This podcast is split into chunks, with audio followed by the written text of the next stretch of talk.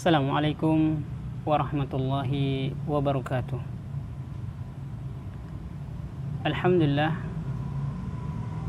Alhamdulillah wassalatu wassalamu ala Rasulillah wa ala alihi wa ashabihi wa man tabi'ahum bi ihsanin ila yaumiddin. Amma ba'd. Senantiasa kita bersyukur kepada Allah Subhanahu wa taala. Salawat dan salam mudah-mudahan senantiasa tercurahkan kepada Nabi kita Muhammad sallallahu alaihi wasallam. Sahabat dimanapun anda berada, ketahuilah bahwasanya Rasulullah sallallahu alaihi wasallam telah bersabda sebagaimana yang diriwayatkan oleh Abu Hurairah radhiyallahu an di mana Nabi sallallahu alaihi wasallam bersabda badiru bil a'mal fitanan ka qita'il lailil muzlim yusbihu ar-rajulu mu'minan wa yumsihu kafiran أو يمسي مؤمنا ويصبح كافرا يبيع دينه bi'aradin minad dunya Rasul sallallahu alaihi wasallam bersabda Bersegeralah kata Nabi sallallahu alaihi wasallam di dalam beramal Tentu yang dimaksud dengan amal di sini adalah amal yang saleh.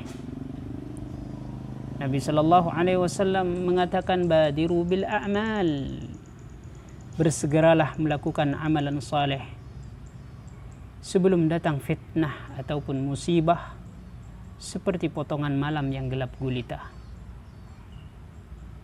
yaitu seorang pada waktu di pagi harinya dalam keadaan beriman dan di sore hari dalam keadaan kafir ada pula yang sore harinya dalam keadaan beriman dan di pagi harinya dia sudah dalam keadaan kafir. Kata Nabi sallallahu alaihi wasallam, ia menjual agamanya karena sedikit dari keuntungan dunia.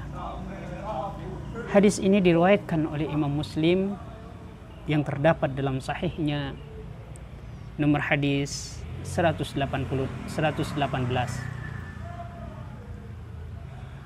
Kalau kita perhatikan hadis ini sahabatku dimanapun anda berada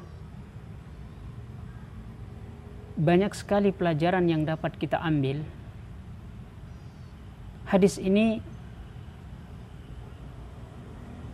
memberikan satu pelajaran yang sangat berharga bahwa hendaklah kita senantiasa bersegera bersegera di dalam melakukan amal saleh sebelum datang fitnah. Di dalam hadis tersebut dikabarkan sebelum datang fitnah seperti potongan malam. Artinya fitnah tersebut tidak terlihat. Ujian tersebut tidak terlihat. Dan cobaan itu tidak terlihat serta musibah itu tidak terlihat. Ketika itu manusia tidak tahu kemanakah mesti berjalan. Kita tidak tahu kita mesti berjalan kemana kita nyaris tak dapat menentukan arah kemana kita harus melangkah. Tidak tahu kemanakah kita harus keluar. Dan begitu seterusnya. Fitnah boleh jadi karena syubhat. Dan fitnah terbesar adalah syubhat. Racun pemikiran. Sebuah racun yang akan merasuk ke dalam pemikiran kita dan boleh jadi timbul disebabkan karena syahwat kita. Dorongan hawa nafsu kita untuk bermaksiat kepada Allah Subhanahu wa taala. Oleh karenanya sahabatku dimanapun anda berada perhatikanlah bagaimana Nabi Shallallahu Alaihi Wasallam Nabi kita sangat mencintai kita. Sehingga Nabi Shallallahu Alaihi Wasallam pun memerintahkan kita semua untuk bersegera beramal. Kemudian pada potongan akhir daripada hadis tersebut yabi'u dinahu min aradin min ad-dunya. Bi aradin min ad-dunya. Mereka menjual agama mereka karena sedikit keuntungan dunia. Bagaimana kita bisa menjual agama kita? Menjual agama yang dimaksud dalam hadis tersebut adalah menukar agama dengan harta menukar agama dengan kekuasaan menukar agama kita dengan kedudukan. Dan kita lihat sekarang betapa fitnah itu telah melanda sebagian kaum muslimin. Betapa fitnah itu telah melanda sebagian orang-orang yang berilmu di mana mereka tidak lagi memperhatikan agamanya.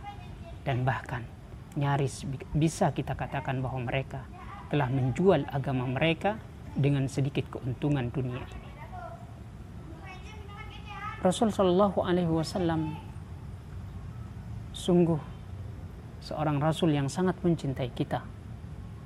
Sehingga jauh sebelumnya Nabi kita yang mulia sallallahu alaihi wasallam telah mewanti-wanti kita untuk berhati-hati terhadap dunia. Di dalam hadis tersebut disebutkan bahwa terkadang seorang itu di pagi harinya dalam keadaan beriman kepada Allah namun di sore harinya mereka sudah tidak lagi beriman kepada Allah Subhanahu wa taala. Oleh karena itulah Allah Subhanahu wa taala mengatakan di dalam Al-Qur'an Fastabiqul khairat hendaklah kalian berlomba-lomba di dalam melakukan amal kebaikan. Ayat ini sangat nampak serasi sekali dengan dengan dengan dalil hadis Nabi sallallahu alaihi wasallam yang barusan telah kita dengarkan bahwa badiru bil a'mal bersegeralah beramal. Jangan tunggu waktu. Jangan menunda-nunda waktu untuk kita beramal saleh. Jangan menunda-nunda waktu untuk kita melakukan kebaikan sesuatu yang bermanfaat untuk diri dan orang lain. Sahabat semoga hadis ini benar-benar dapat menjadi motivasi untuk diri saya dan anda semuanya agar tidak melewatkan setiap hari yang berlalu itu tanpa amal saleh. Agar tidak menyia-nyiakan waktu yang Allah Subhanahu wa taala berikan kepada kita untuk menjadi pribadi yang senantiasa mengisi waktu-waktunya waktu yang bermanfaat untuk diri kita dan tentunya orang lain. Sebagai wujud yudhhirahu 'ala dini kulli untuk menampakkan Islam ini kepada orang lain. Semoga bermanfaat. Assalamualaikum warahmatullahi wabarakatuh